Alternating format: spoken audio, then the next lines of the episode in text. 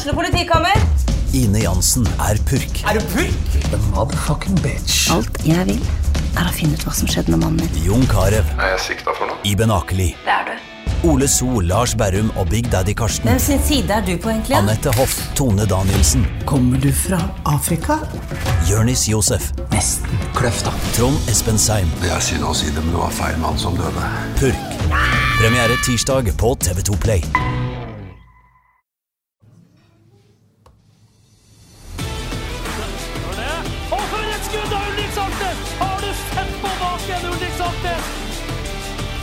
Og så er det skåring! Og så skårer Bodø-Glimt!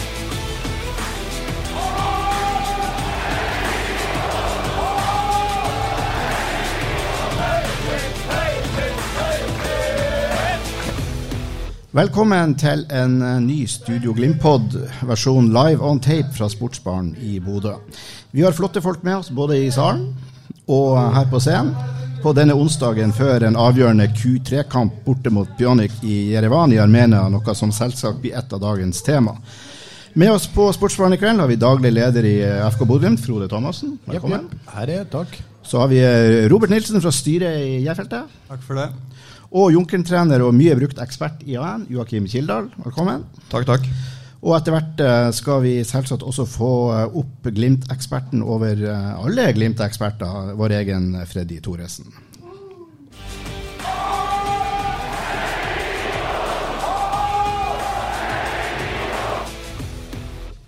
I den første bolken i dag så tenkte jeg vi skulle ta, prøve å ta opp noen spørsmål til deg, Frode.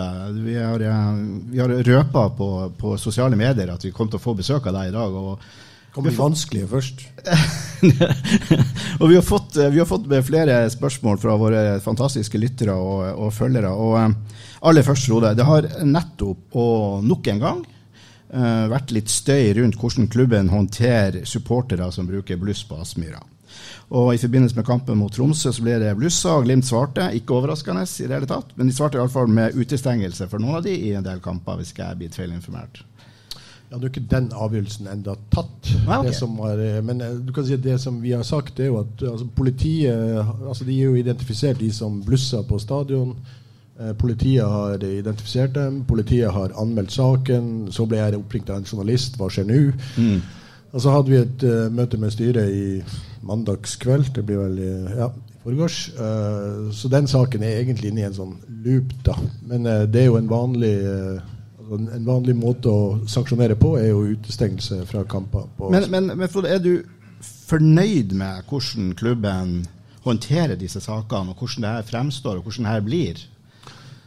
Ja, altså vi, det er jo ganske Det er ulovlig å blusse. Altså det vi snakker om, det er ulovlig bluss, ikke lovlig bluss. Eh, Du kan si Det er to forskjellige ting. Jeg føler ofte at debatten eh, ikke skille mellom de to tingene. Det å blusse oppe på en tribune eller i en folkemengde er farlig og per lov eh, ikke tillatt. Eh, politiet og brannmyndighetene er veldig tydelige i forhold til det. Eh, politiet i Salten politidistrikt anmelder den type hendelser. Og vi har, altså som arrangør så har vi et ansvar for at vi har trygge og gode arrangementer for alle.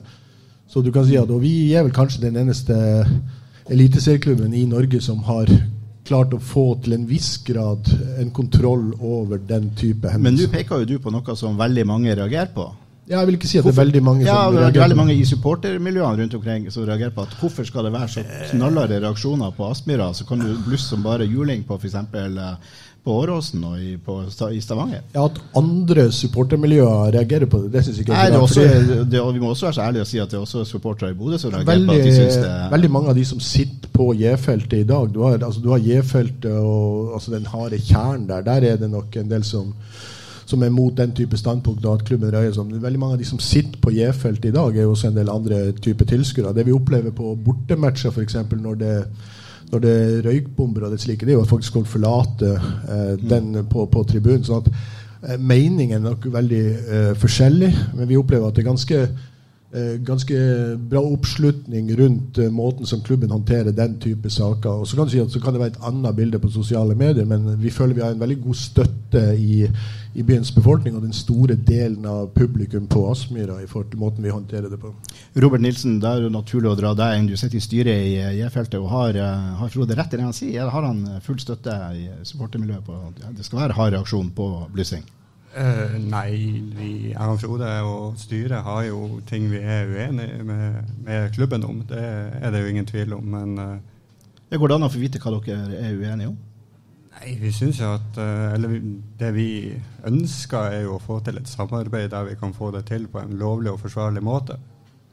Og per nå har vi ingen måte, så alt av bluss som fyres opp nå, er jo ulovlig.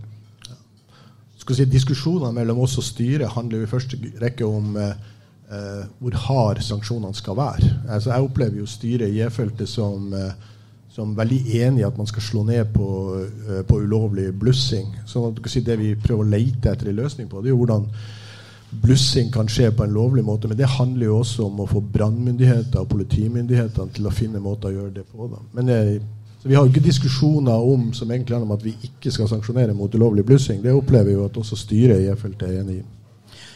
Men er det muligheter å se for seg fra deres side, Frode, altså fra Glimt-ledelsens side, at det kan legges til rette for ei Kall det for da ei kontrollert form for blussing? Ja, Nå skal vi ha et møte med brannmyndighetene, for det er heller ikke klubben som avgjør det. Det er faktisk brannmyndighetene som sier om det er mulig å få til. Og hvis det er mulig, så skal vi tilrettelegge for det. Men i og med at vi ser så mye bluss på andre arenaer, så må det være andre brannmyndigheter i andre byer som syns det her er mulig å få til.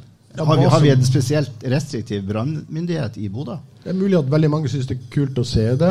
Eh, men jeg sitter jo også i daglige ledermøter i, fra andre klubber, og du kan si at det er, det er Den risikoen som er knytta til så mye blussing som du ser på andre kamper, oppleves av klubbene som arrangør som utfordrende og vanskelig. Og så kan du si at når du har 100-200 mennesker som blusser på en stadion, så er det også veldig vanskelig å få et grep om. Jeg synes jo Det vi heller skal fremsnakke i Bodø, er at vi har en god altså i den forstand Vi diskuterer på en sånn måte med J-feltet at vi har ikke et det er jo ikke et veldig utstrakt problem. Det er jo egentlig enkeltindivider som tar seg til rette på Aspmyra. Mens du kan si at for, hvis du er i Klan eller i Stavanger så er det, eller i Trondheim, så er det veldig mange som, som tar til sånne uregelmessigheter. og da, da er det en mye større utfordring å få, få bukt med eller få bort. da, og så- I hvert fall så lenge som politi og brannmyndighetene ser litt gjennom fingrene med det.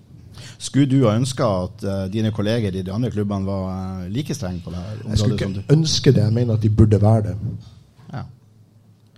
Så ikke bare prate om bluss, men eh, er bluss og den diskusjonen som dukka opp når det bluss også dukka opp på Aspmyra, er det føler dere i J-feltet at det er et, eh, et eh, problem som dere helst skulle sett at dere ikke hadde?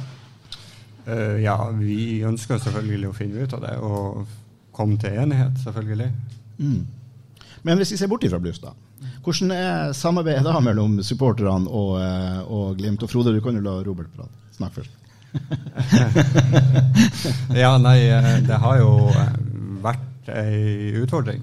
Eh, Det har vi jo sagt ifra til klubb, og vi har hatt ei liste med punkter der vi har følt at ja, vi har fått litt vage svar og kanskje fått litt trege svar, og vi har måttet mase på og litt sånn her. Men hvis vi skal se det positive, så er jo det at nå er vi i gang med en diskusjon, og vi har jevnlige møter. Vi har vel hatt fire-fem møter bare nå denne sesongen. Så starten Vi er i gang med noe, i hvert fall. Er det også ditt inntrykk? Ja, jeg syns det er en veldig fin temperatur i de møtene vi har. Det er veldig lite krangling. Det er på mange måter synspunkter som luftes mot hverandre. Og så, så er det klart det er ting vi kan bli bedre på også i forhold til det. Det har vi nå også sagt. Og vi, vi ønsker en nær og god dialog med, med supporterne. De har jo hatt utfordringer knyttet til det å lage TIFO, eh, lagring av utstyr. Men vi prøver jo så langt som mulig å være behjelpelige i forhold til det. Og I fjor ga vi også pengegaver både til J-feltet og og Glimt i sør for å styrke supportermiljøene til Bodø-Glimt. Så, så alt i alt så føler jeg at vi skal være veldig glad for at vi har de support... Altså, det som er med Bodø-Glimt og supporterne, det er jo at det er ekstremt positivt. Altså, det, er er utrolig det er utrolig å ha den type supportere og den, den støtten som laget føler i forhold til det. Så, Så det, det er den blussbiten som vi ikke enda har ordentlig funnet ut av. Og så det, går det litt på kommunikasjonslinjen oss imellom. Og så, så, så det, alt det her er løsbart. Jeg føler jo liksom som Robert sier at vi, vi er på en god vei. Vi har hatt en fire-fem møter i år, og det er viktig med dialog hele veien. Kommunikasjon er jo et stikkord her. eh, Frode. Det er jo eh, jeg vet ikke, Har du veldig travle dager, eller har dere i Glimt-ledelsen veldig travle dager? og, og Tida flyr, og det er, ikke- så enkelt å få gitt alle beskjeder, få tatt alle disse møtene og, og kjørt sånne samarbeidssamtaler så ofte som man skulle ønske det. Nei, som sagt så handler jo de gangene det er det som, som du tror jeg prøver å peke på som konfliktstoff, det er mye knytta til, til bluss og de utestengelsene som har vært. Eh, og så er det litt sånn ikke sant, på, på Aspmyra, vi har ikke nøkkelkort der. Det har jo litt med stadion og den moderne altså Det å ha tilgang til de arealene som gjør at de får eh, altså til utstyr. altså det vi har én nøkkel som går til alle dører, det er vanskelig å dele. og litt sånne ting. Så det, det, det er sånne små knepp som skal på plass, så tror jeg vi er der. Og så skal vi heller eh, bejuble supportermiljøet og det som skjer rundt Bodø-Glimt, eh, og som har gjort de siste årene. Utrolig bra trøkk i det, og, og god støtte i forhold til hva klubben prøver å få til. Mm. Det var jo, eller Vi ser jo nesten fra kamp til kamp at, eh, at eh, det blir stadig flere supportere. i den forstand At alle begynner å engasjere seg i det som J-feltet gjør. og Det har jo vært en ganske sånn flott utvikling på eh, i hvert fall sett fra, fra en vanlig plass på, tri, på tribunen. Og Dere er jo for så vidt i en sånn medvindtid nå, Robert. Er det, er, det, er, det, er det godt å være J-felt, sitte i J-feltstyret nå for tida? Ja, absolutt. Det er jo I forrige uke passerte vi vel 700 medlemmer av E-feltet. Så vi, vi begynner å bli ganske stor. Og Ja. det er folk i alle aldre. Det er kvinner og menn og unger. Og det er et veldig fint eh, fellesskap på E-feltet. Mm. Så har vi jo vi har jo en av de billigste sesongkortene for, eh, for supporterne. eh, Det du har i Norge. Det er jo også sånn at Kjøper du et sesongkort på J-feltet, så får du også et automatisk medlemskap i, i supporterklubben. Så at på veldig mange områder har vi ordninger som andre klubber sikkert skulle ønske at de hadde. Mm. Så eh, vi kan kanskje konkludere med at vi skal tone ned litt den her, at det ikke er så mye konflikt. Eller hva du sier Robert? Er det, er det, bare, er det, bare, er det bare jeg som journalist som maser om konflikt, eller? Ja, jeg tenker jo at media kanskje er god på å blusse opp eh, saker. Eh, for det. absolutt. Og eh, ting er ikke så, så ille som eh, kanskje det ser ut i media. Men eh, ja, vi har jo enda en vei å gå. Det har vi. Så supportermakta altså Supporterne er en veldig viktig dimensjon. Jeg føler jo ofte at man ender opp i å diskutere det her hver gang. Men veldig mange av de diskusjonene som pågår rundt eh, third part ownership, det som pågår rundt VAR Jeg tror det er veldig viktig å ha de offentlige debattene. For det øker kunnskapsnivået i forhold til at man ikke bare har en mening, men at man faktisk klarer å ha kunnskapsrike og, og gode diskusjoner rundt det, så man kan ta norsk fotball videre. Så veldig mye av det supporterne står for, er viktig, men da må man også kunne ha et offentlig ordskifte litt sånn som vi sitter nå, og, og snakke om det på en god måte. Diskuterte dere VAR på det siste samarbeidsmøtet? Nei. Ok. Men det kan dere jo gjøre neste gang. Så får vi gjøre det. kan vi gjøre, så kan du invitere til det. Så kommer vi. vet du. Ja.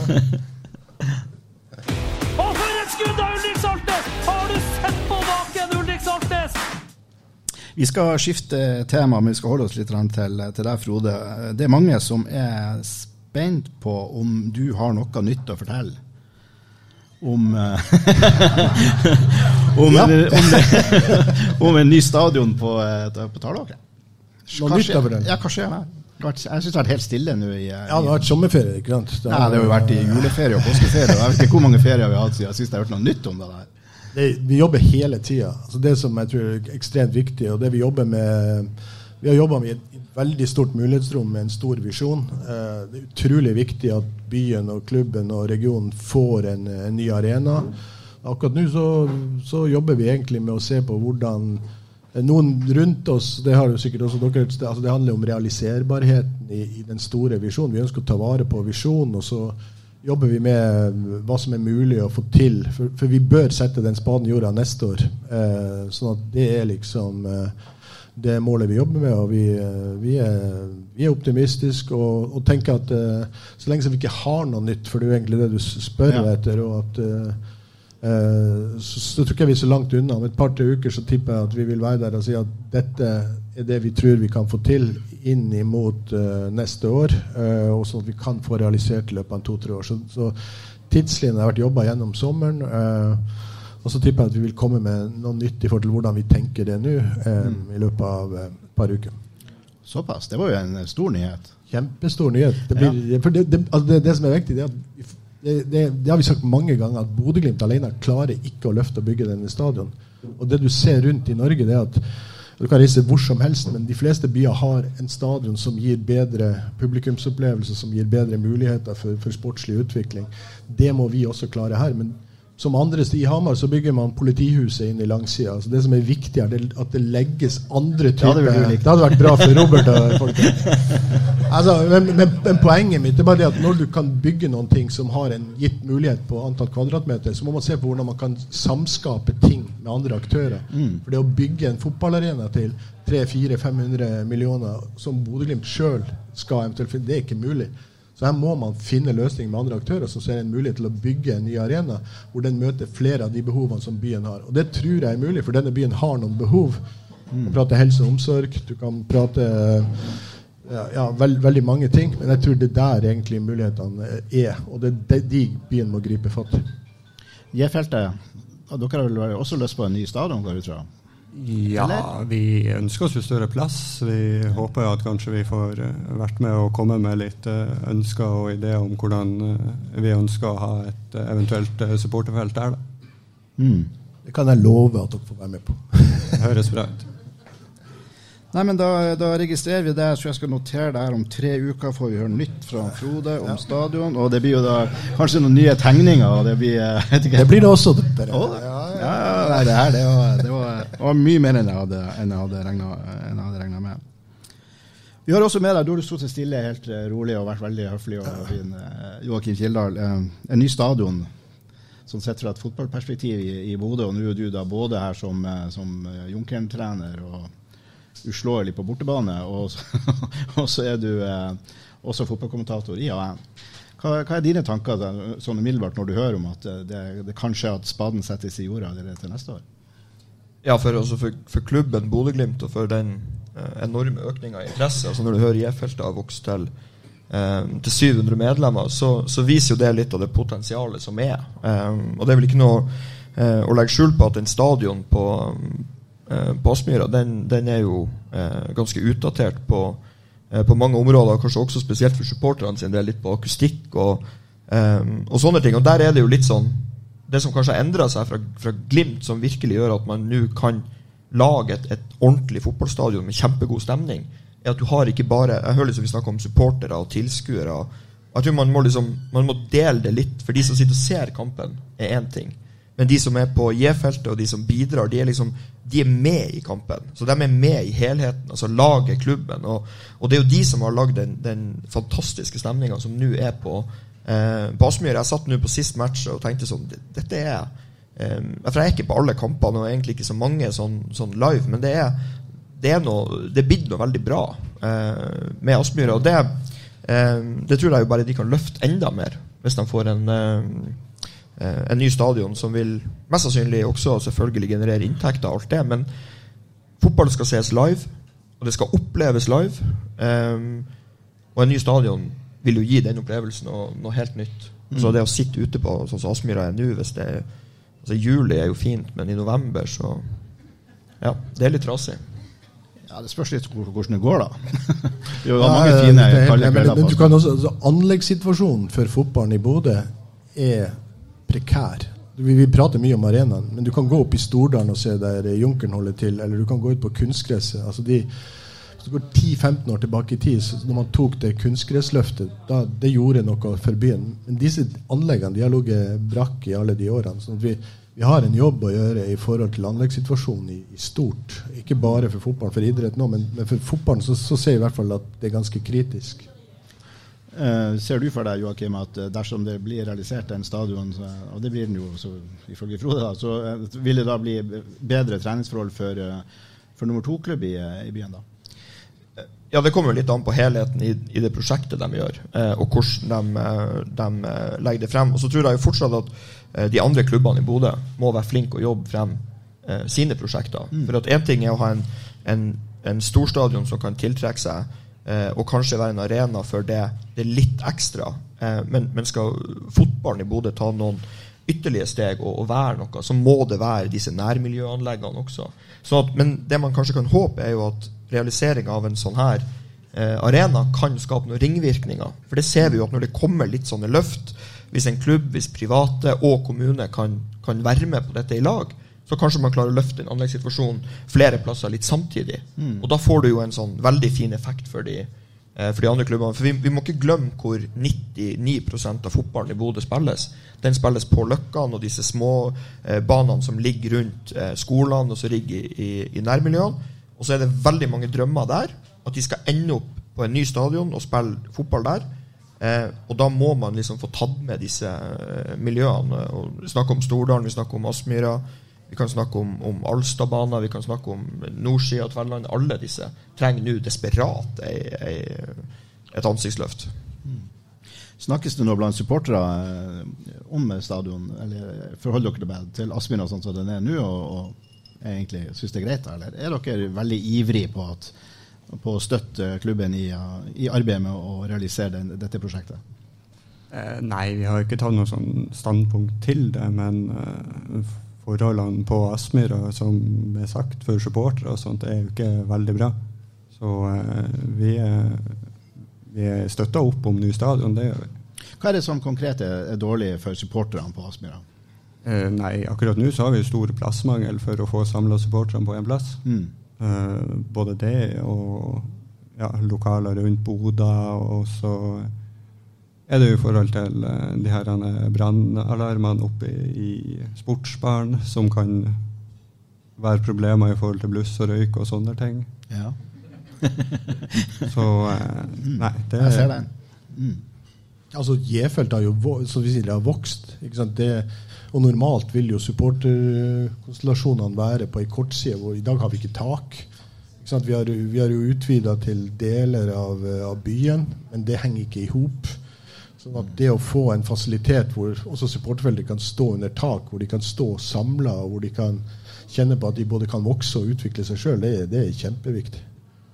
Men også for resten av publikum på, på Aspmyra så tror jeg jo en ny stadion Litt sånn som Joakim innom. Det er så mye som kan gjøres. Når vi var i Warszawa, så er jeg helt sikker på at de hadde lydforsterkere. altså Det er et eller annet med lyden og hvordan du kan jobbe med akustikk. Eh, det vi gjør i dag med fyrverkeri, med moderne lyssetting. Altså Det er så mye du kan gjøre som tar opp arrangementet enda et hakk, sånn at opplevelsen blir enda større. Så, det er mange ting i det som, som, kan være bra for publikum. Ikke minst det å sitte inne, eller sitte inne et sted hvor du kjenner på at selv om det blåser og er kaldt utafor, så kan du sitte ganske cozy i en utendørsatmosfære og, og oppleve, ha sterke, gode fotballopplevelser. Mm. Ok, Da skal jeg si takk eh, Robert, for at du stilte opp fra J-feltet. og kommer til å invitere deg flere ganger. for noen fra J-feltet. Håper dere har tid til det. Og eh, Freddy Thoresen, hvis du kunne eh, er det, ja, det er solo du har med deg. Du kan få forklare litt om hvorfor det går på solo i dag etter hvert. Men det, er men det er jo en god gul, god, gul brus. Hva du, sa du Børre? Jeg bare ønsker deg velkommen opp, opp på scenen her. Med solo? Med solo, ja. Skal du ha forklaringa? Jeg har en god venn, så jeg håper folk her vet hvem er. Han bor i Tromsø. Han heter Rune Robertsen og skriver i Tromsø. Jeg har jo den store ære av å faktisk eh, spise lunsj eller middag med Rune Robertsen, og det har vært en fryd de fire-fem siste årene. For hver gang vi møtes og spiser noe i lag, så bestiller jeg solo kun for å irritere han. Og i løpet av de årene så har jeg jo lært meg solo er faen meg ganske godt også. Og for et skudd av Ulrik Saltnes! Har du sett på baken, Ulrik Saltnes? Glimt og Junkeren. Stian Kristiansen er altså en stopper som Norges beste lag nå har kjøpt fra andredivisjonslaget Junkeren. En historisk overgang på på så mange nivåer, egentlig. Og Frode, ser vi nå begynnelsen på et tettere og kanskje bedre samarbeid mellom Bodø-Glimt og nummer to-klubben i byen, Junkeren? Det håper jeg. Da sa du egentlig eh, at det ikke det har vært så veldig bra samarbeid før. Eller?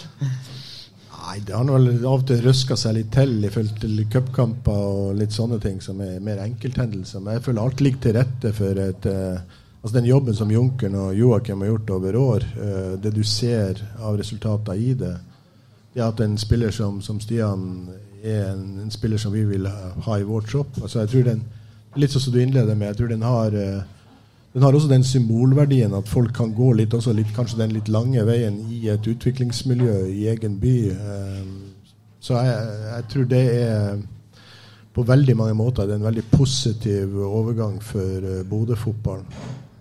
Er det positivt for dere også, Joakim? Ja, det er det.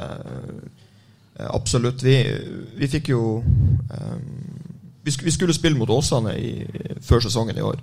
Um, og så sa vi at nu, før vi drar ned, så må vi få fiksa den, den kontrakten på Stian. For hvis ikke så kommer Åsane bare til å plukke han opp gratis.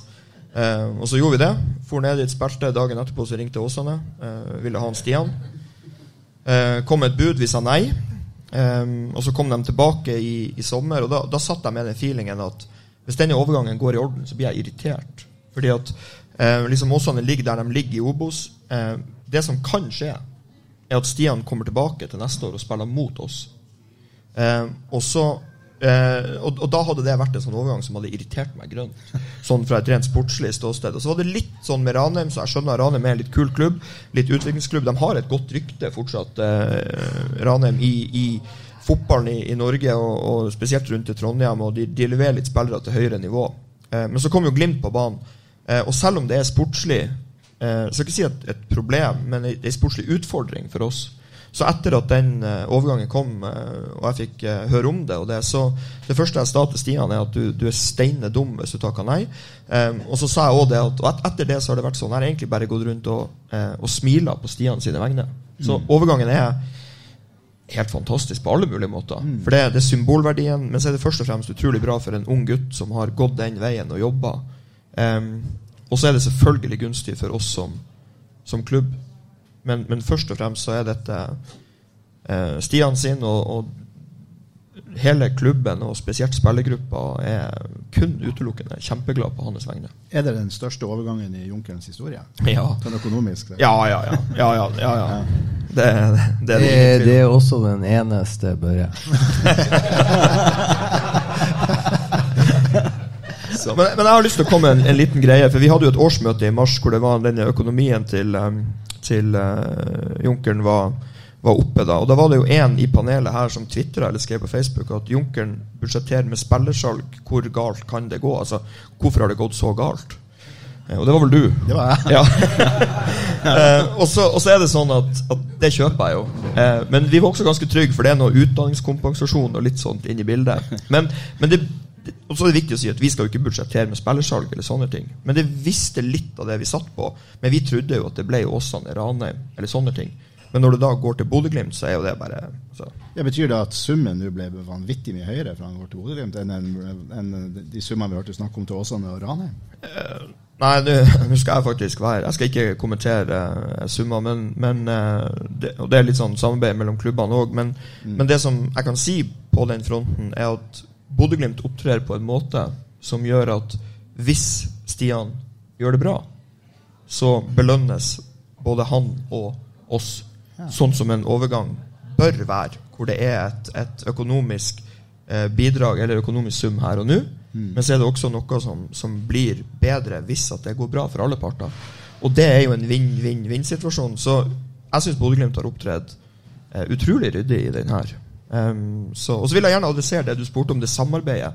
For det var den cupkampen i 2021. Den, den, vet vi, der var det dårlig stemning. Eh, men den ble òg lagt litt sånn, sånn, bak. Og så har det ligget et bakteppe rundt det som er på barne- og ungdomsfotball. Eh, men det må skilles, fordi at A-laget til Junkeren har tatt noen steg nærmere A-laget til Bodø-Glimt. Men A-laget til Junkeren og A-laget til Bodø-Glimt har egentlig over tid hatt et ganske godt samarbeid. Fordi at vi har fått lov eh, å være så heldige at Bodø-Glimt velger å å ta inn spillere fra oss når de trenger spillere på trening. Mm. Og det er utelukkende positivt. Bl.a. Stian, eh, flere spillere.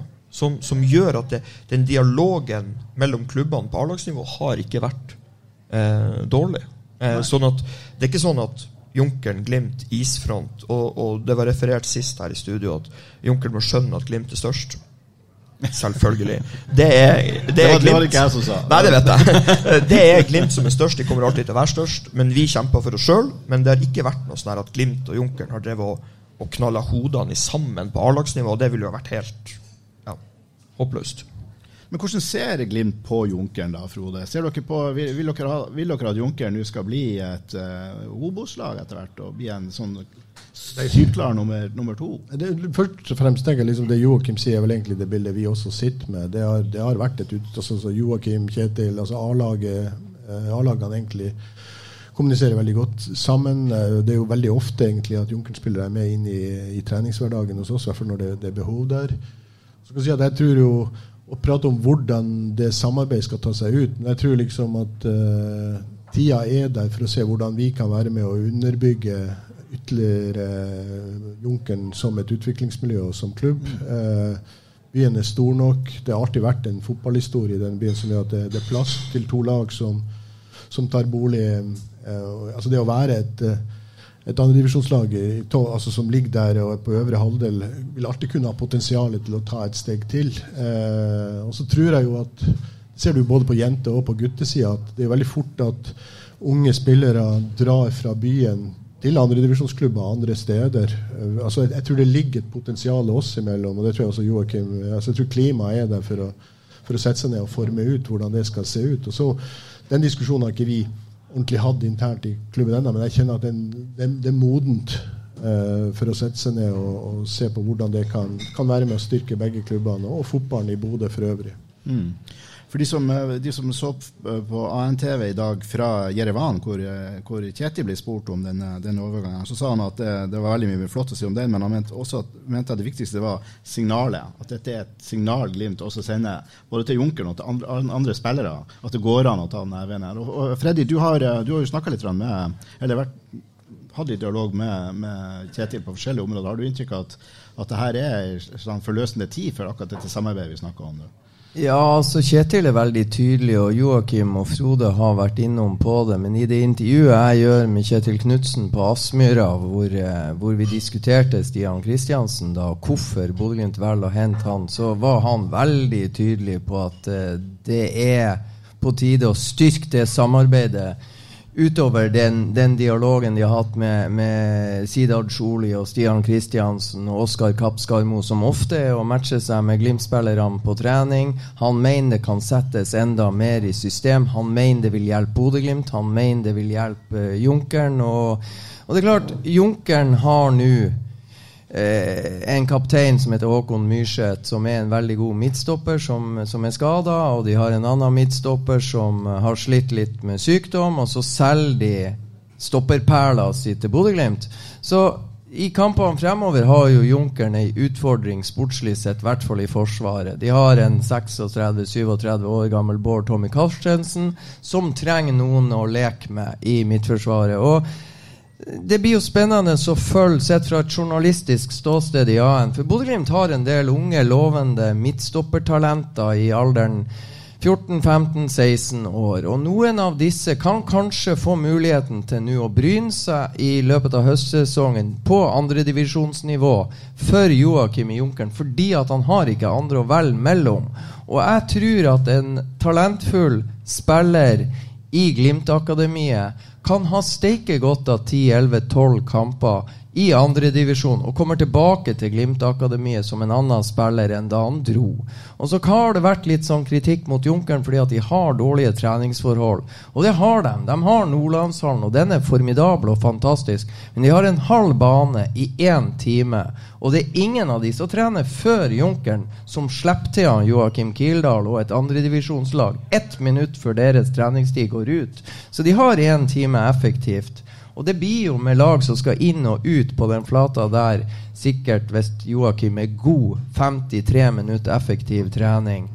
Og det å ta den uh, utviklinga som de har hatt nå i andredivisjon, under de vilkårene der, er helt formidabelt.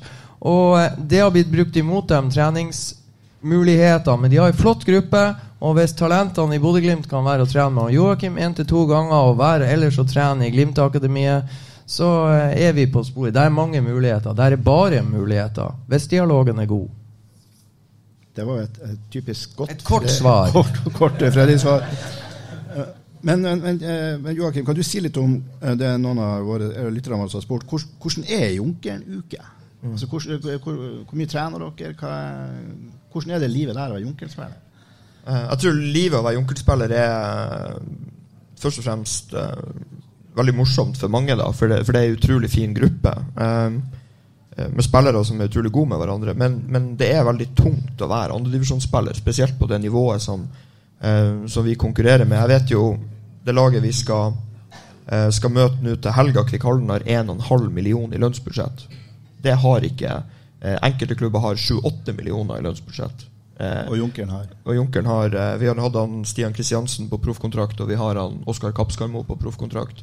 Beskjedne proffkontrakter med lav sum i måneden. Men Junkeren har en dyr trener, ikke sant? Vanvittig dyr trener. Men han gjør også flere roller. men, eh, men det vi ser, da, er at, at disse spillerne de, Vi spiller som regel kamper søndag. Eh, mandag så har de restitusjon. Da er det Noe er gruppebasert, noe er individuelt. Eh, de som ikke spiller, har, de får program, de får oppfølging på hva de skal trene. Eh, tirsdag, onsdag, torsdag så, så trener vi. Og så har vi fri fredag, og så trener vi lørdag, og så spiller vi kamp søndag. Og så skulle vi optimalt sett ha trent fredag eh, også. To dager før kamp er egentlig en ganske viktig dag, men det er fredag. Spillerne har enten fullført ei full eh, arbeidsuke, eller fullført ei full eh, studieuke. Vi trener ofte ganske tidlig lørdag, så da ser vi verdien av å gi dem den fredagskvelden. Mm. Eh, og så kan man godt tenke at at ja, men liksom i trening og det. Men, men det er noe med det, det å komme hjem, det å få lov til å, å, å slappe av. det å, Noen har besøk av kompiser, noen setter seg ned og spiller om det er Fortnite eller CS. Eller, altså, det er unge gutter. Um, så de får den, den fredagen fri, uh, og det er egentlig den fridagen de har i uka. Men så studerer de. De jobber. Nevnte Bård Tommy Karstensen. Tre unger, full jobb, styrer en campingplass eh, sammen med faren sin. Og, og eh, spiller fotball og trener på det nivået der. Så det, det er mange som har en, en, eh, en hverdag. Og det, det syns jeg jo òg Når du ser spillere som Stian, som Oskar, som Siddad, som, som er de som har trent med Glimt, de, de henger med. De er selvfølgelig ikke eliteserieutøvere fysisk, eh, men de henger godt med. Og det vitner om det, den, det arbeidet de legger ned på egen hånd, eh, og i treningsgruppa med de utfordringene som eh, som eh, Freddy sier, det var jo litt sånn Vi hadde jo lyst til å låne Aspmyra her i påska, men da måtte vi vente litt for at Glimt skulle ha en sånn påskeeggjakt eh, for A-lagsspillerne sine. Og det er jo Det er noe av det viktigste vi gjør i løpet av året. det jo eh, men, det, men det illustrerer jo eh, egentlig ingenting annet enn at Glimt har veldig mye tid å ta av, og ikke vi. Det er fantastisk. Men de, de to du har eh, i stallen din som er på, på såkalt proffkontrakt, mm. er, de fulltids fotballspillere? eller? Nei, nei, nei, nei, nei. Det er mer en sånn Du kan nesten regne det som en sånn bo slash arbeidsstøtte, for det er jo, de er studenter. Eh, og så studerer de, og så er alternativet det at hvis de skal studere og bo i Bodø, så må du enten jobbe, eller så må du ha veldig gavmilde foreldre hvis du kommer utenfra. Dette er helgelendinger. Eh, så det er på en måte nesten en sånn type bostøtte slash erstatning for Mm. at de ikke eh, skal jobbe, men skal prioritere fotballen. Og så er det selvfølgelig òg fordi at eh, det, er en, eh, det er to veldig gode spillere. Og jeg blir jo ikke overraska hvis at eh, det sportslig nok en utfordring, men jeg blir ikke overraska hvis det ender med enda et salg i det vinduet som vi er i nå. Eh, for det er ganske betydelig interesse rundt eh, eh, rundt andre spillere hos oss. Eller salg eller overganger, hva man skal kalle det. Jeg skal ikke tro at vi skal dra inn. Men, men det viser bare litt av det at det var viktig for oss å gjøre det. Eh, sånn at de spillerne Oskar jobba hele sommer mens han trente litt med Glimt i fjor. og eh, Så jobba han i hjemmetjenesten og jobba litt natt og litt sånn her. Og var i Bodø og tjente mye mindre enn han ville gjort hvis han var hjemme og jobba. Men han måtte prioritere det, og i tillegg betale leilighet og sånne ting. Og da Ja, det er økonomisk um, Det er ikke noe økonomisk gullgruve å spille for Junkeren. Men dere har fått blod på tann, og har flere spillere for salg? Hvis du kan si det sånn.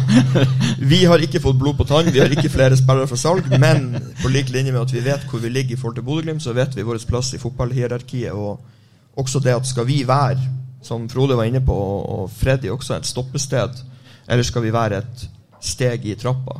Eh, og vi må være et steg i den trappa. Eh, og da må spillere få lov til å gå hvis de eh, tar det steget. Og det vil jeg jo slå et, et viktig slag for. Dette med å ha Det er kanskje den mest undervurderte egenskapen i fotball. Kanskje i livet generelt, i, men i idrett alt, er utholdenhet i motivasjon. For Vi ser så utrolig mange som stopper når de ikke når A-laget til Bodø-Glimt, eller ikke kommer opp og får trene med avstand. De er 18-19 år. Gjennomsnittsalderen for å debutere i Eliteserien er rundt 22. Utholdenhet i motivasjon har disse guttene som nå er på vei opp i Junkeren. Det tar dem plasser. Eh, og eh, ja, Så det har vært en, eh, en fantastisk reise med, med dem, og, og veldig artig. Og så håper jo egentlig ikke at vi selger flere spillere, men samtidig så er det en fjær i hatten for Junkeren hvis det skjer. Ja. Uh, utholdenhet i, i eh, motivasjonen må man i hvert fall kunne si at du har. da. Du har vært trener i veldig, veldig mange år og, og står jo på ut av ville juling. Har du henta mye uh, tips og triks og måter å gjøre ting på fra, fra Glimt? Har du vært og sett på hvordan Kjetil Knutsen gjør det her, og diskutert en del med han? og Har du fått noe drahjelp i, i den, fra den plassen, for å si det sånn? Ja, altså det er jo litt sånn, Man har jo sin egen eh, holdt på å si fotballfilosofi, men vi er jo, altså jeg òg er jo oppfostret, har jo tidligere spilt i Glimt. Så mye av det eh, holdt på å si, grunnsynet på fotball kommer jo, eh, kommer jo derifra. Jeg ser jo Glimt-treninga. Man lar seg jo inspirere av Bodø-Glimt. Det er det ingen tvil om. Mange andre lag også. Men, men, men vi hadde jo en Vi prata jo litt i de første sesongene Kjetil var her, for da drev jeg på og skrev en oppgave som handla litt om Bodø-Glimt sitt angrepsspill. Eh, og da prata vi litt. Men så kom jo den koronaperioden litt nedstengt. Så var vi ikke sånn bestevenner etter den cupkampen. Men, men vi har en god dialog, og jeg inspirerer jo og ser jo og får jo også innspill fra Bodø-Glimt. Jeg kjenner jo andre i teamet der òg ganske godt. Ja, Så bra. Men nå ble jeg litt trigga igjen på den eh, episoden med cupkampen. Og det er jo selvfølgelig Journalister er jo litt opptatt Nei, men Hva var det egentlig som skjedde der? Kan jeg få oppsummere for de som ikke har fått med det? Hva som skjedde? Hva så det, var det dere som var vanskelig? Var det Glimt som var vanskelig? Hva var konflikten der? Vi gjorde det strategisk veldig lure valget å spille hjemme I Stordalen. kampene i 2021 eh, i Stordalen. Det innebærte ingen seire det året. Um, men i og med at vi gjorde det, så ligger jo egentlig da hovedarenaen vår der. Um, og så har vi en mulighet. Vi har en reservearena som da var Nordlandshallen, og vi kunne ha flytta den kampen. Men vi hadde vært uten fotball i ett og et halvt år eh, gjennom korona. Eh, dette ville være den tredje kampen vår. Det ville være første mulighet til å virkelig få litt opp litt blest og være det og vise at vi er en klubb i Rønvika. Og, og, ønske, eh, og så ønska Bodø-Glimt å flytte kampen til Nordlandshallen. Dere hadde hjemmekamp? Vi hadde hjemmekamp i Stordalen. De ønska den til Nordlandshallen. De var i et tett uh, kampprogram med Europa med, med en del uh, Og var, var tydelig redd for hva den banen kunne gjøre med spillerne. Sånn skademessig mer enn resultatmessig, går det fra? skademessig mer be Belastningsmessig mer enn ja. mer enn resultatmessig. um, og så kom Bodø-Glimt eh, på banen og ønska at vi skulle flytte. Um, det takka vi nei til. Og så ønska Bodø-Glimt å bidra eller gi en økonomisk eh, hjelpende hånd da, til, til Junkeren i forbindelse med eh, den kampen i Nordlandshallen. Um, og så, hvis den ble i Nordlandshallen. Og så sa vi nei til det. Og så, eh, Det som da egentlig skjedde, når vi nå skal være 100% ærlige på det, var at Bodø-Glimt da fikk en representant fra NFF til å komme oppover og sjekke banen i Stordalen i håp om at banen skulle bli, ikke bli godkjent for kampen. da.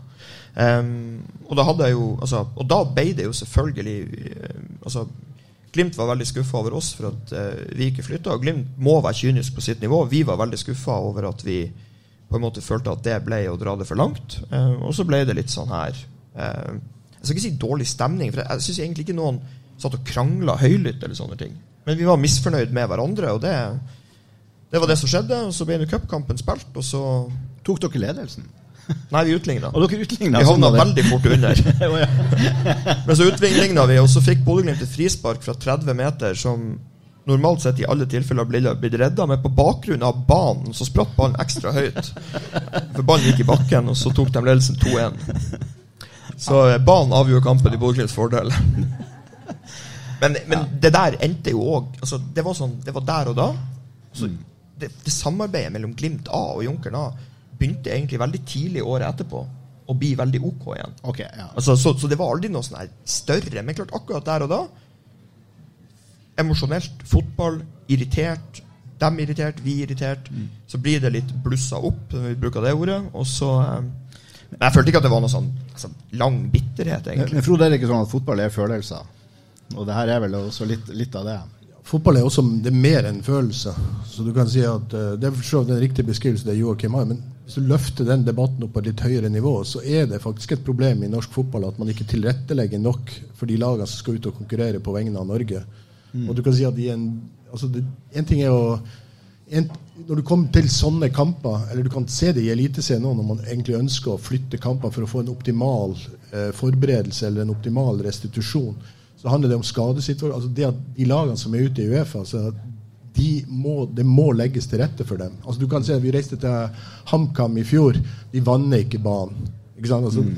altså der, hvor du, der, hvor du, faktisk tillater at, at kamper må spilles på et sted, eller den ordninga man har i Norge, at uh, et eliteserielag som trekker et lag fra lavere divisjoner, må spille borte. Altså at Molde må reise til Kjelsås altså, det var vel altså, av at de spiller mot et lag, uansett hvordan den trekninga foregår det syns vi ikke er greit. Og den debatten kan man på mange måter gjerne blåse litt høyere. fordi at det, det er klart det å, For de som har gått opp i Stordalen og titta, og du skal spille en veldig avgjørende kamp både for Bodø-Glimt og norsk fotball, så det er klart at den kampen skulle aldri vært spilt opp i Stordalen. Altså, det, det er Bodø-Glimts syn enda. ingen kamper bør spilles i Stordalen? Nei, ingen kamper bør spilles. Så, så, så, det er egentlig den debatten i en sånn lokal kontekst, men den, den har den, den type brytninger må vi ha. For du kan si at vi lever også i et sted hvor norsk toppfotball er 32 klubber. Altså hvis, hvis, alle avgjørelser i norsk fotball og norsk toppfotball skal tas ved håndsopprekning i et sånt fora, så vil du aldri tilrettelegge for, eh, for, det som er toppklubbene i forhold til fordi du vil, du, du vil hele tida ha et flertall som vil mene noe annet. Mm. Og det er, Du vil finne det i Hangeland-utvalget som nå jobber. Eh, og det er, det er, saker som hele tida for så vidt ikke er så mye oppe i media, men som, som eh, plage at, eh, at, det ikke blir tilrettelagt nok. Og det, det å flytte kamper, f.eks. nå vi, vi, vi, er i, vi, skal til Jerevan Eller vi er jo i altså, De, de, de landa jo der i, i, løpet av ettermiddagen i dag. Vi, skal spille, hvis, hvis vi, går videre derfra, så skal vi kanskje spille i Romania eller i Kasakhstan til neste uke skal spille en bortekamp i Haugesund på søndag. Mm. det er klart at det å tilrettelegge, det å ha, ha, en mulighet til å flytte de kampene og Da må du gjøre noe med, med ligaen også i stort. Du må spille kamper fra sannsynligvis tidligst må serien starte i første helga i mars. Og så må du spille til desember. Altså, du må hele tida åpne opp sånn at det er muligheter å flytte kamper, sånn at du kan optimalisere den reisen. For, for, for det, det, tar norsk fotball til et, til et bedre sted. Så viktige diskusjoner der. og Så kan, kan ender vi opp med kanskje å diskutere cupkampen mot Junker. Men, men, det er, Nei, vi, vi, og sånn i øyeblikket, så enkeltmessig, så kan det være. Men, men, i det store bildet så handler det om mulighetene for norsk fotball til å utvikle seg og ta posisjon på en internasjonal arena.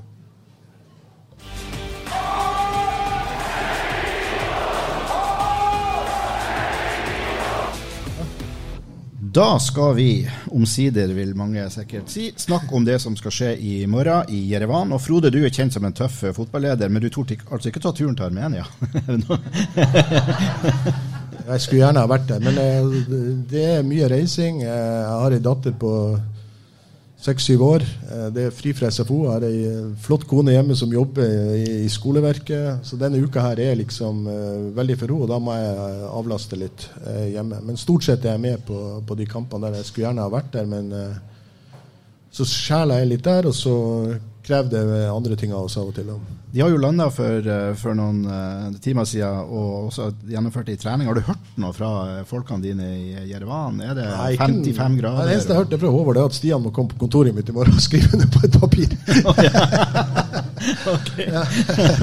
Det er det jeg har hørt derifra. Men det ser bra ut. Jeg så jo guttene deres i Jæren var, var, på stadion, så jeg fikk med meg det, det lille filmsnutten som var fra treninga. Men det, det er bra stemning i gruppa folk rundt oss er vel litt sånn eh, Tromsø-Vikingkamp. Eh, så følte vi at den hjemmekampen De, de prosessene som har vært i klubb, har dere hørt masse om, men, men det, det, det, har vært jobba godt. Eh, så jeg, det er en veldig god stemning i, i gruppa. Så vi er, vi er optimistiske inn mot uh, morgendagen og det som kommer utover høsten. Freddy, du har jo vært og fulgt med treningene. De har jo hatt ei treningsuke nå. Det er jo ganske sjeldent. De har jo røkka kamp siden forrige torsdag. Skal... Hvordan har det vært? Hvordan har det sett ut på, på Aspmyra? Ja, jeg hadde jo fri på søndag, så måtte jeg reise på Aspmyra og se ja, Glimt trene. Og de trener på søndag, og de trener på mandag, og de trener vel i går òg, før de Er det onsdag i dag, ja? ja. Går trener de. Nei, altså, det ser ganske bra ut. Uh, Bodø-Glimt har henta Tobias Gulliksen, og han finner seg mer og mer og bedre og bedre til rette. Og han er jo en sånn her type spiller. Joakim er jo fotballeksperten her, men han er jo en sånn type spiller som jeg tror Glimt har savna i hvert fall etter at de solgte Hugo Vetlesen. Så han kommer til å bli eh, forrykende for Glimt-fansen og følge med fremover. Og jeg tror eh, de første stegene har vi sett. Han hadde målgivende mot Punic her hjemme. Blir ikke overraska om det blir både målgivende og mål eh, i morgen. En god spiller, Daniel Bassi, begynner jeg òg å se hvorfor eh, Bodø-Glimt har henta. For han han er litt yngre, han fikk debuten sin i Stavanger og var litt ukomfortabel. Fikk ikke noe særlig hjelp av lagkompisene, men han begynner å bli akklimatisert. Han viser stadig oftere et par av de her eh, røkkene og én-mot-én-ferdighetene han har. Uh, og det har det, det, var tirsdagstreninga kan du ramme inn og henge på veggen. For var, der var det mye bra. Jeg mistenker jo at det har litt med at det var litt fukt det regner litt sånn duskregn, ikke noe vind, og det er noe som kler den Glimt-troppen eh, Kjetil Knutsen og gjengen har sydd sammen. Så eh, både possession-økta og det de gjorde etterpå, da var det mye bra å se. Det vil jeg påstå. Det var jo en ganske komfortabel 3-0-ledelse Glimt hadde med seg til, uh, til Færøyene i fjor, Frode. Det, vi, vi, kan jo sammenligne litt. Det, var en, det ble en ganske ubehagelig opplevelse etter hvert. Var, der var jo du til stede. De siste 15 minuttene var jeg utenfor stadion. ja, nettopp. Så det, det liksom, løpet er liksom ikke kjørt? Nei, det er det aldri i sånne kamper. Altså det at det er komfortabelt. Altså Vi var bra hjemme her, vi dominerte kampen, produserte sjanser. Men så kan ting eh, snu veldig fort. Altså. Men eh, jeg tror også at vi, vi, har den lærdommen med oss fra det. Eh, så jeg tenker at uh, vi, vi, får se om vi håndterer det. Det er jo varme der borte, det er litt høyde. Men jeg, jeg tror i stort så, så, burde vi ha den erfaringa med oss at, at, man tar det hjemme. Men uh, kamper skal spilles. Det kan komme mål imot. Uh, mye, mye, kan skje da. Så, men, så i utgangspunktet så er det jo et godt utgangspunkt for oss. Men ja, så det Klaksvik var en vond sak. ja, Det gikk heldigvis bra. Nei, nei, nei, og Molde i går hadde utfordringer med samme laget. så... Mm. Så vi, vi, får se i morgen. Den skal spilles, den kampen. Joakim? Holde 3-0? Ja, jeg, jeg, tror liksom Hvis man hadde stått i Aspmyra og Bodø-Glimt hadde vunnet 2-0 um, mot Punic, så hadde man tenkt åh, hvis vi bare kunne fått 3-0, så hadde det vært avgjort. Og når de vinner 3-0, så sitter alle åh, hvis vi bare fått 4-0, så hadde det vært avgjort. um, og så tenker vi alle på den, den dobbeltsjansen til, til Espejord og, og, det. Men, men klart, Glimt kan slippe inn mål etter tre minutter i morgen, og da blir det plutselig liv i, i leiren. Men, men Bodø-Glimt har en, en erfaringsbase. De var et såpass mye bedre lag at jeg klarer ikke helt å se for meg at Bodø-Glimt skal fære dit og så um, og ikke skape sjanser. Og ikke score mål. Um, og det tror jeg blir en sånn her um, Den tryggheten der tror jeg det Glimt-laget har. Ja, vi har sett dem mot Viking. Ja, vi har sett dem mot, uh, mot Tromsø. Uh, som, som, var dårlige, svake kamper av Bodø-Glimt. Men vi har ikke sett dem produsere sånne svake kamper mot den type motstand som de, som de møter nå. Så jeg er ikke sånn eh, jeg er ikke sånn voldsomt bekymra for den, eh, den, matchen i morgen. Jeg er mer bekymra for, for, matchen på søndag, ja. som kommer som en retur. Og så, eh, så, tror jeg faktisk at Glimt har såpass erfaring og kvalitet i den troppen nå at, at de er nesten favoritter nesten uansett hvem de møter i et dobbeltoppgjør i Europa. Når vi snakker om det nivået på de lagene de møter i, i, kvalik nå Selvfølgelig hadde du fått Essen Villa og ikke blitt sida, så, så, er det noe annet. Men på dette nivået her så skal, og normalt sett så er Bodø-Glimt god nok til å ta det. Ja, og treneren til Punic han, eh, Punic har jo, tro det eller ei, ganske god erfaring fra eh, europacupspill. Og treneren hevder jo, eh, får vi håpe at tolken eh, oversatte rett til Stian Høgland i Jerevan, men han hevder jo at Glimt er det beste laget de har møtt i Europa. Og de som, altså, kampen på Aspmyra sist torsdag avslørte i hvert fall et par viktige momenter. Og det er at i forsvaret til Punic, der er det ikke tempo og fart i forhold til tempoet til angriperne til Bodø-Glimt. Og uansett om eh, det er 1000 meters høyde og 30 grader når kampen spilles, så blir ikke forsvarsspillerne til Punic noe særlig raskere enn det de viste på Aspmyra.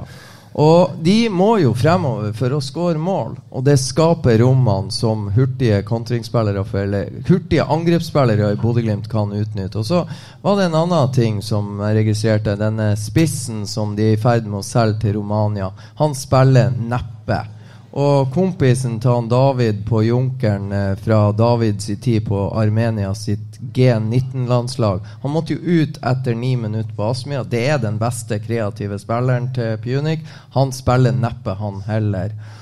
Og da eh, har Glimt momentum. Så det blir, tror jeg, et kampbilde som passer et bortelag som har 3-0 å gå på det passer ikke et hjemmelag som har hentet inn dette. Og så syns jeg Bodø-Glimt beviste i Praha at de har lært i forhold til det som skjedde i Klaksvik. For da leda de også 3-0, men da kom de hjem med 4-2-seier og fikk en del sånn her eh, eh, slag i trynet underveis som de løste og ga svar på tiltale på. Så jeg forventer at de har lært, og jeg tror det går bra. Og så er det sånn at det, det er mange som snakker om denne varmen og høyden. Jeg var i Warszawa òg eh, under den eh, kampen for, for, to år siden, og det var jo en Det, det, var, altså det var, så brutalt eh, varmt på den stadion. Men, men, det vi også skal huske i det der, er at eh, det var et Glimt-lag med mye mindre erfaring fra Europa. Mm. Og Legia Warszawa er et, et bedre lag. Altså De hadde noen enkeltspillere, men de var mye bedre som lag eh, i, i, det der. Og så, Vi snakka om den akustikken på stadionet. Altså, det var 250 Warszawa-supportere som når Glimt kom inn og varma opp, og den pipekonserten de klarte å sette opp, det er det mest sinnssyke jeg har hørt. Altså, de sto oppe på toppen der, og det, det peip i ørene. sånn at jeg, jeg, tror ikke, jeg tror Glimt har vært gjennom en del ting som er mye verre. Og så selvfølgelig, du kan jo få en smell hvis det er høy luftfuktighet og 33 grader og på 1000 meter. Men jeg tror ikke Bodø-Glimt som lag kommer til å få en kollektiv smell. Det, det føler jeg meg ganske trygg på at de, eh, de rir godt av. Håper du har uh, veldig rett i det. Freddy, hvordan tror du uh, Kjetil kommer til å sette opp laget i uh, morgen? Hvordan ser det ut? Skal du ha en wild guess? Ja. Så blir det nok Nikita Haikin i mål, og så blir det Brisveen Bangomo, Brede Mo, Odin Bjørtuft og Fredrik André Bjørkan. Så blir det Sondre Brunstad Fet, Patrick Berg og Albert Grønbæk. Og på topp Tobias Gulliksen, Faris Pemi og eh, Amahl Pellegrino. Det er min spådom. Du sa et wild guess. ja, det der var det villeste jeg har hørt. Etterfulgt, etterfulgt av 'det blir nok'. ja, det var et sånt kalkulert Basert på det. Jeg, det er ingen i Bodø som har sagt at jeg ikke fikk lov å se hva jeg så på søndagstreninga og mandagstrening. Men uh, er det noe nytt uh, skademessig? Er, det, er, en, uh, er troppen stort sett komplett, eller hvordan altså, ser det ut der? Bra spørsmål, for nå tror jeg vi kom inn på en av årsakene til Jeg tror Bodø-Glimt har Altså Det der med Isak Helstad Amundsen tar litt lengre tid enn en Glimt ønsker. Og så har Marius Lode vært litt sånn av og på. Han trente ikke um, søndag, han trente ikke mandag. Så var det han heldigvis tilbake i litt mer sånn, Geparden fra Jæren var vist seg frem på over halve tirsdagsøkta, og det så bra ut. Han er med til, til Jerevan. Men jeg tror det der med ikke sant, eh, Brede Mo i tipp topp slag er jævlig god. Så enkelt er det. Men, men det favoriserer ikke Brede Mo at han skal spille kamp torsdag i Jerevan og i Haugesund på søndag.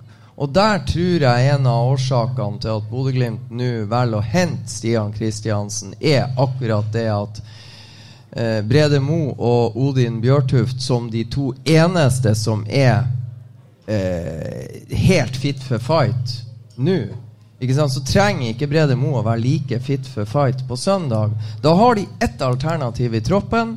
Det er å flytte ned Ulrik Saltnes på stoppeplass. Og det kommer til å gå jævla bra, det. Men det kan være veldig greit å ha en venstrebeint midtstopper, som da eh, Stian Kristiansen er. Marius Lode bekler jo ofte venstresida av Forsvaret. Men nå får du en venstrebeint en som trives veldig godt i den posisjonen. Og jeg tror Odin Bjørtuf trives bedre på høyre. Jeg vet Brede Mo trives bedre eh, som høyre stopper. Og i sum så blir det der ganske bra når de drar og henter han eh, Vævelstad-gutten på 24 år. Som jeg også syns er litt artig, da. 24 år, kommer fra Vevelstad. Kom opp eh, til Bodø. Joakim har scouta han og debuterer mot Mjølner. Og, og så har han den utviklinga som gjør at han blir henta til Bodø-Glimt. Og det er jo noe med det som jeg syns er det beauty of football, at sånne ting faktisk kan skje. At han Stian, som Joakim er inne på, har den motivasjonen og den drivkrafta. At han kommer fra Helgeland til Bodø og tar steg i Junkeren, i Joakim og Junkeren sitt miljø, blir henta av Bodø-Glimt. Og sist gang det skjedde med Bodø-Glimt, det er jo Isak Helstad Amundsen, som kommer fra Brønnøysund. Han har ikke vært på ei kretslagssamling. Altså Snakk om kretslagssystemet i Nordland fotballkrets. Isak Helstad Amundsen har ikke vært på ei kretslagssamling. Ringer Jan Erik Bjerk, sier at du, jeg flytta til Bodø, kan jeg få lov å komme og trene med B-laget? Ja, sier Jan Erik Bjerk. Kjetil Knutsen dukker opp på en B-kamp og får øye på en spiller han aldri har sett. Råder Jan Erik Bjerk til kan du flytte han fra neste kamp? Kan du la, ta han vekk fra midtbanen og prøve han som stopper? Og det her er jo på høsten, da. Og når Glimt starter sesongoppkjøringa noen måneder seinere, så får Isak Elstad Amundsen sin kontrakt. Det er også noe av the beauty of football, altså. Jeg må, jeg må, få lov til å skyte inn en liten ting der. fordi Det er faktisk litt av Visa Nordland sin fortjeneste at Stian også havna i, uh, i Junkeren.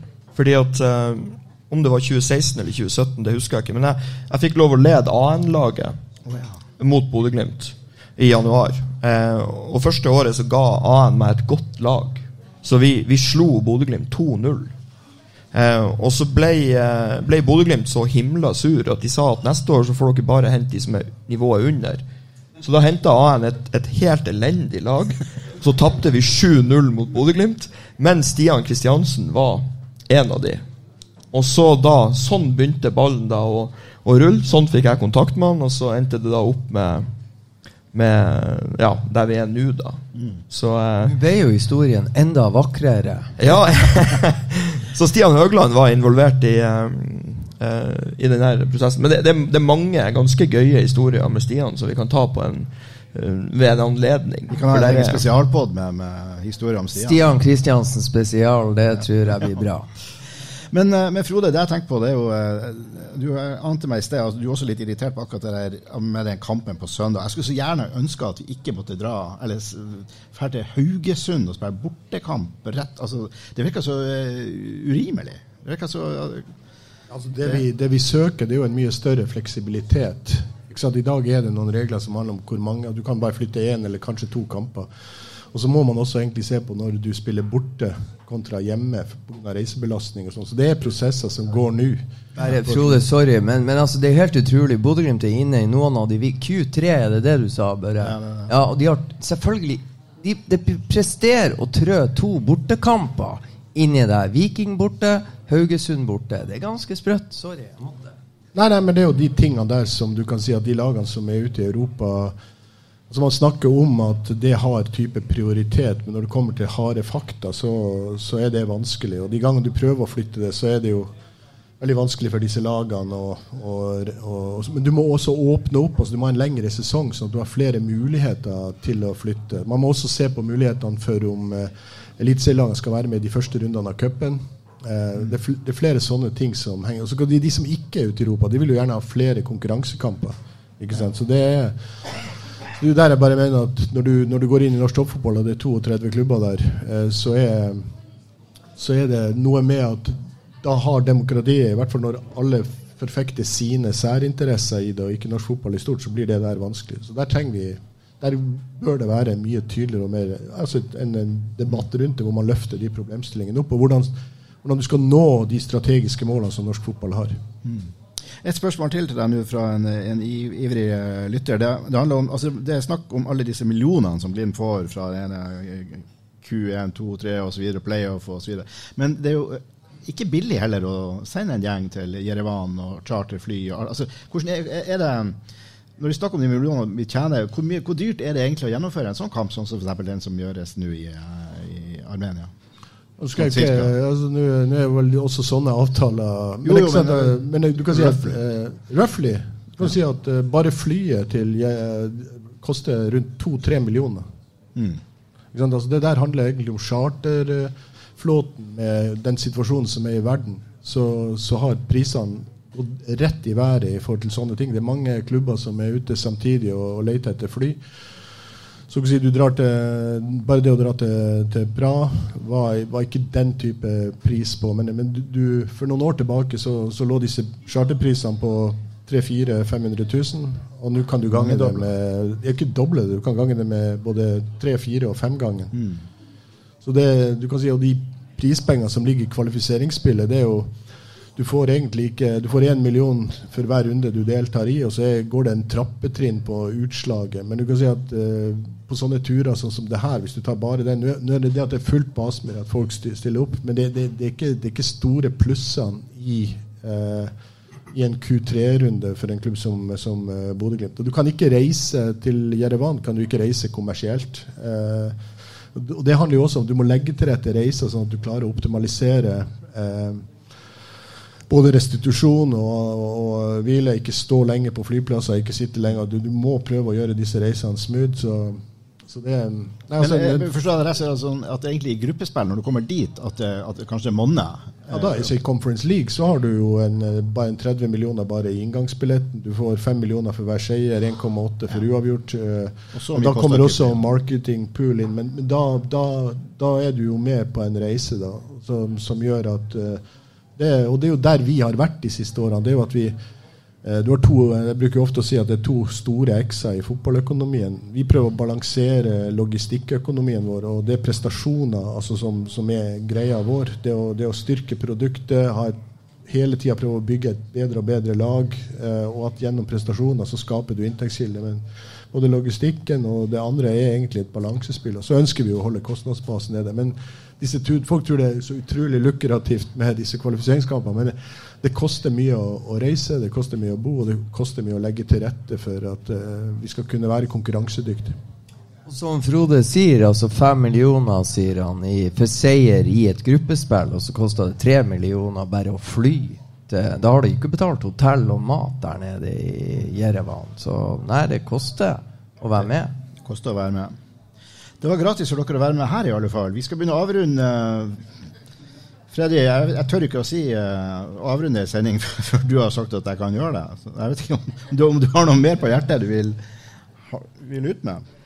Nei, vi er spent. Jeg er spent. Eh, som Joakim er kjempespent. Sikkert de som sitter her, kjempespent på i morgen. Jeg eh, tror det er ganske viktig, det der. Frode, du, du har jo to eksperter her, så bare sånn Den der forskjellen jeg har, jeg har, lyst til at uh, Eller jeg håper ikke at det blir sånn 1-0 til hjemmelaget, Frode. Jeg håper det blir 2-1, 2-0 til Bodø-Glimt i forhold til de her koeffisientpoengene.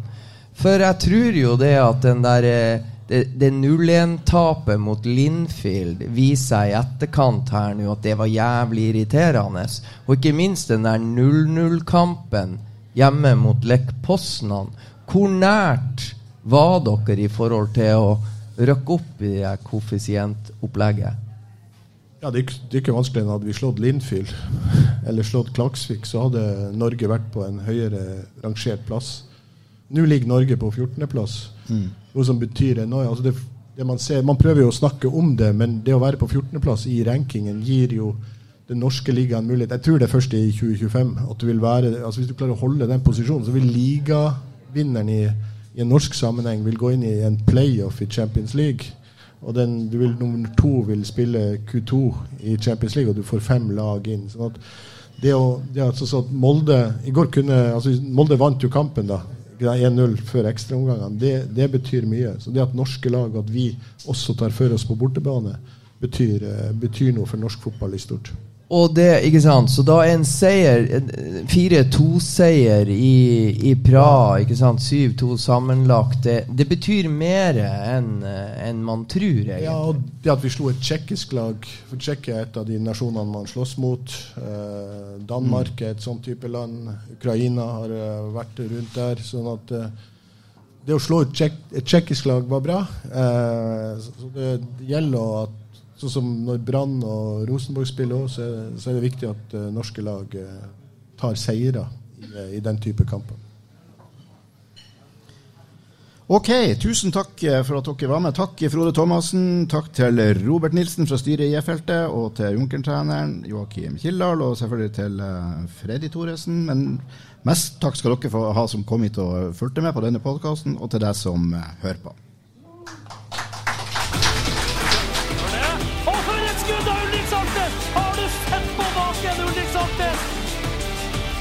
Og så er det skåring! Og så skårer Bodø-Glimt!